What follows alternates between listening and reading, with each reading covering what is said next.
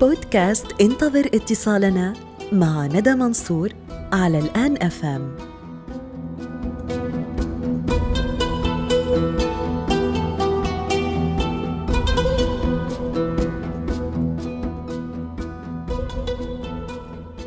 عسلامة ومرحبا بكم الناس الكل. أهلا وسهلا بكم على موجات إذاعة الآن. بودكاست انتظر اتصالنا يرجع لكم في حلقة أخرى. اليوم باش نمشيو مع بعضنا لليبيا باش يكون موعدنا مع مستمعنا السيد عيسى الغاتي من ليبيا. الأستاذ عيسى عنده خبرة أكثر من 30 سنة في قطاع التدريس في ليبيا. اليوم يحكي لنا على القطاع هذايا كيفاش تغير بسبب الحرب وثورة فبراير. شنو الأحلام اللي راها عيسى ممكن تتحقق في ليبيا؟ وشنو أهم الرسائل اللي وجهها كذلك للطلبة ومختلف الليبيين عبر إذاعة الآن؟ هات نكلموه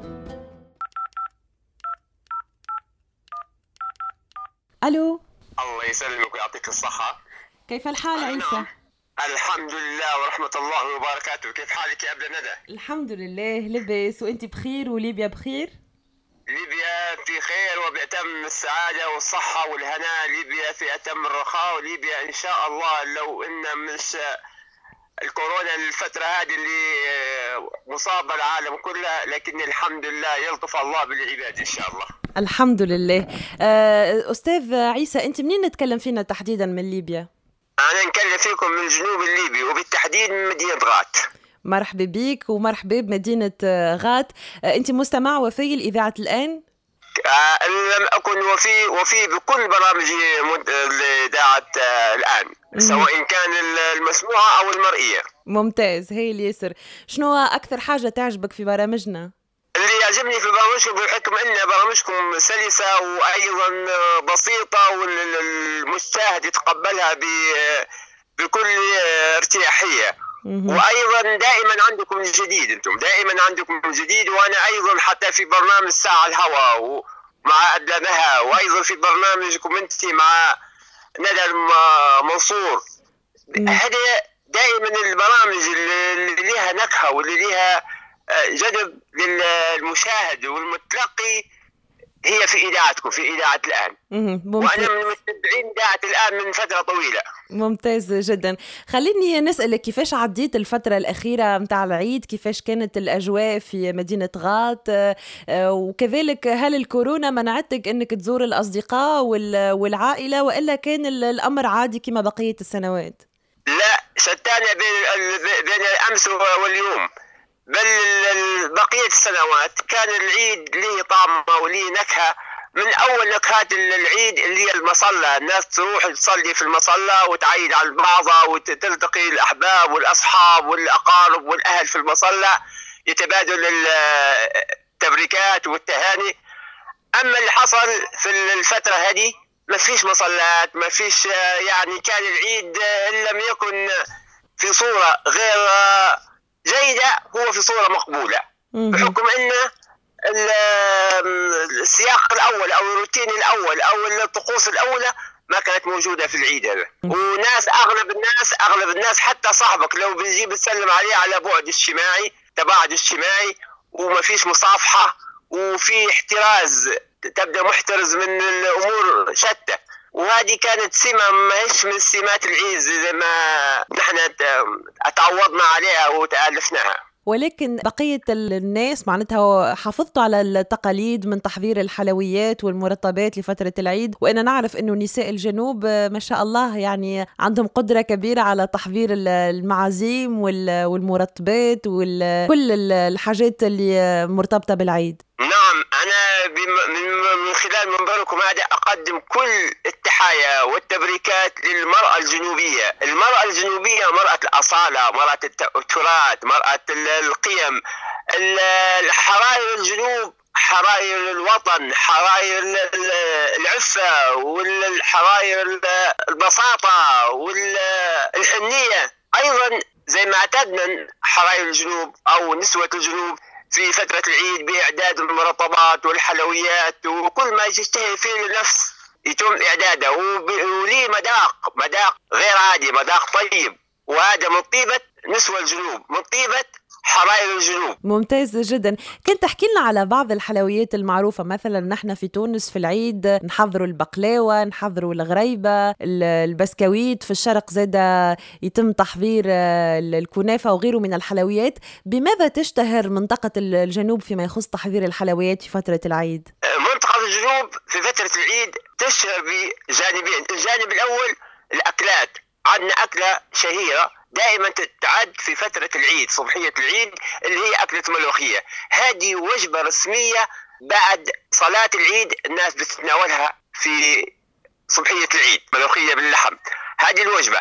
أما باقي الحلويات كل الحلويات هناك الغريبة هناك بقلاوه هناك الكنافه وهناك الحبنبر هذه كل الحلويات نعد فيها في العيد. وكل منازلنا أي منزل تخش له أو تقصد في العيد يقدم لك جانب من أو جزء من هالحلويات. ممتاز. صح وفرحة. خليني نرجع معك ونكتشف زيد شخصيتك. عيسى أنت حاليا موجود بمدينة غاط حاليا شنو النشاط اللي, اللي تقوم به كنت تحكي لنا على روحك أكثر. أنا طبعا كمهنتي الأستاذ عيسى مغار مدرس عام متخرج من سنة 1982 ودرست ما يقارب سنتين أثناء تخرجي ومن بعدها تقلدت إدارات المناصب إدارات المدارس في منطقتنا في غات جل المدارس التعليم الأساسي والإعدادي والثانوي تقلدت إدارتهم. وأيضا تو أنا لي 37 سنة في التعليم 35 في إدارة مدارس. ما شاء الله ما شاء الله. أه تنجم من آه. تحكي لنا على التطور متاع التلميذ اليوم في ليبيا.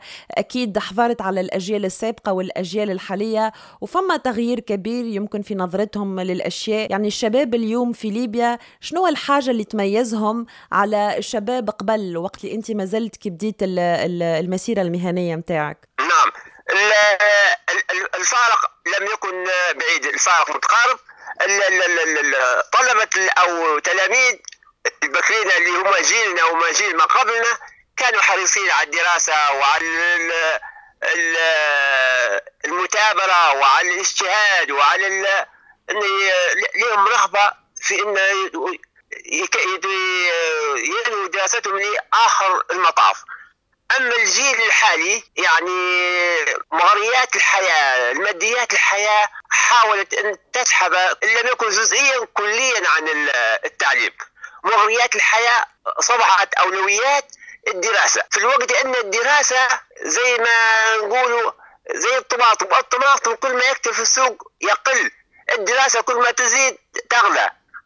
وبهذا أنا من بحكم ان مواكب الطالب عن عن قرب وتعليمنا في ليبيا الفترة هذه المناهج جيدة لكن تنقصنا البنية التحتية. البنية التحتية سواء كانت المعامل سواء كانت إعداد المدرس إعداد الجيد بحيث أنه يواكب المناهج الحالية المتواجدة.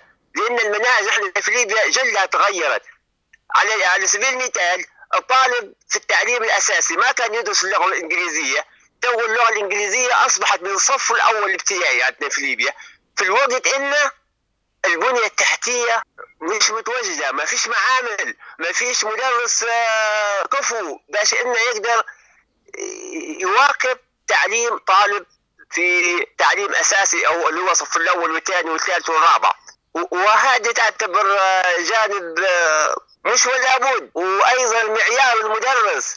مش أي مدرس يقدر يوصل معلومة للطالب النشأ الطالب الصغير بالذات في اللغة الإنجليزية. وأيضا تو مناهجنا كلها مناهج سنغافورية. المدرسين ما أخذوش دورات تأهيل بحيث إنه يواكبوا المنهج هذا المنهج السنغافوري. المنهج السنغافوري صعب أنا من نفسي بعض المدرسين يجوني في الإدارة يستدعي المسألة هذه ما عرفناهاش.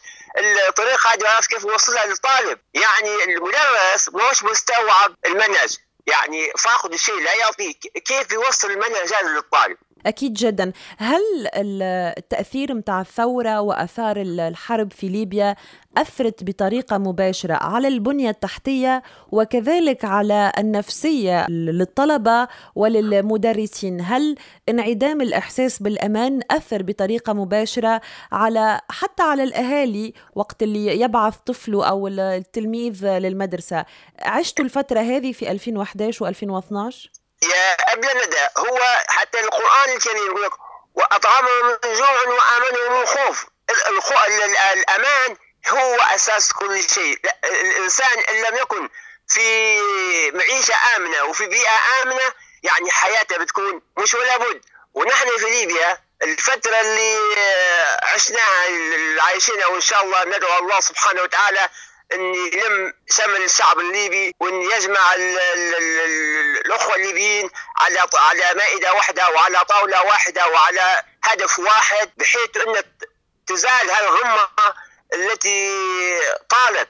اليوم نحن في في السنة العاشرة في الغمه سببت لها تأثير سلبي على الطلبة وعلى الكبار وعلى الصغار لأن حتى الأولاد أصابوهم التبول غير ارادي اصاب أصيبوا بال بحالات نفسية أصيبوا بالانهيار النفسي أيضا المنشآت تعطلت أيضا موارد الدولة الدولة الليبية معتمدة على المورد الواحد اللي هو المورد النفطي والمورد النفطي في ظل هالتجاذبات وفي ظل هاللي حاصل يعني يكاد أن يكون مهوش في ال في ال في أوج تصديره زي ما كان في الفترة الماضية. وهذا كله ينعكس سلبا على المواطن الليبي. وأنا أدعو من منظركم هذا أن يتم شمل الشعب الليبي وأن يبعد عنا هذه هذه الفتن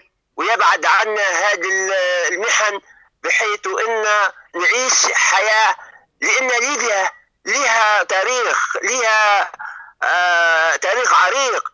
ليبيا عمر المختار ليبيا رمضان السويحلي ليبيا سليمان الباروني. هذول الناس لهم صدى غير عادي ولهم تاريخ مسطر بدمائهم. شيء من مليار في الشيخ الشهداء عمر المختار. لو العالم ينظر يوشح ليبيا ذا الحالة يقول أين ليبيا عمر المختار؟ أين ليبيا رمضان السويحلي؟ أين ليبيا سليمان الباروني؟ أين ليبيا هذا كلهم ناس ضحوا بدمائهم ضحوا بأرواحهم من أجل أن تبقى ليبيا نبراس يضيء العالم كله. هذا اللي نتمناه حتى نحن نتمناه كل الخير لليبيا. آه خليني نختم معك عيسى. آه هل عندك رسالة توجهها اليوم للطلبة وللتلاميذ القدم واللي موجودين عندك اليوم في المدرسة وكذلك الأهاليك في ليبيا؟ ولما لا لكل الناس اللي تسمع فيك على موجات الآن. أول حاجة أوجه رسالة لأبنائي والتلاميذ الطلبة. بأن العلم حتى في الزمان قال لك العلم يبني بيوت لا عباد لها والجهل يهدم بيوت العز والكرم. يعني دائما نبي نحط الطلبة على أن العلم نبراس العلم نور العلم تقدم. الأمم كلها تقاس بعلمها مدى تقدمها في العلم؟ تقاس الأمة. هل الأمة فعلا جيدة أو غير جيدة؟ هذا الجانب. الجانب الثاني أقدم رسالة لجل. شعبنا الليبي من الشمال من الشمال للجنوب ومن الجنوب ومن الشرق للغرب إن يجب أن نلتحموا ونعتصموا ونتوحدوا لأن يد الله مع الجماعة ونحاول أن نبعد عنا الفتن والغم بحيث نعيش حياة رغدة، حياة تليق بالمواطن الليبي، حياة تليق بالإنسان الليبي وهذا ونكون أسودا بالدول الأخرى وهذا اللي أدعو له ووفقنا الله وإياكم لما فيه الخير ويرضاه والسلام عليكم ورحمة الله. وأنا أقدم كل تحياتي وكل شكري لإذاعة الآن. وهي إذاعة نبراس إذاعة جيدة تقدم المستفيد والمفيد والمستفيد. للمستمع والمتلقي. شكرا لك أستاذ عيسى. نحن زادة سعدنا جدا بلقائك معنا اليوم ونتمنى كل الخير لك أنت والأفراد العائلة والليبيا. كما قلت أنت من الشمال إلى الجنوب من الشرق إلى الغرب. وإن شاء الله هتكون عنا مصافحة معك مرة أخرى على موجات إذاعة الآن. شكرا. يطيل في عمرك يا ندى وأنا ممنون ومن حوارك هذا وأنت متألقة ويعطيك الله كل الصحة ويسدد خطاك. والسلام عليكم ورحمة الله وبركاته. عايشك بسلامة.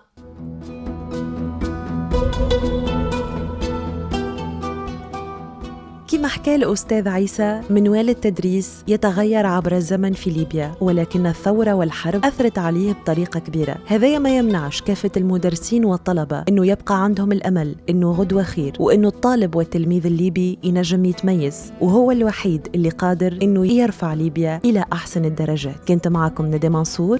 نتقابلوا المرة الجاية في حلقة جديدة من بودكاست انتظر اتصالنا. من الوقتها ردوا بالكم على رواحكم.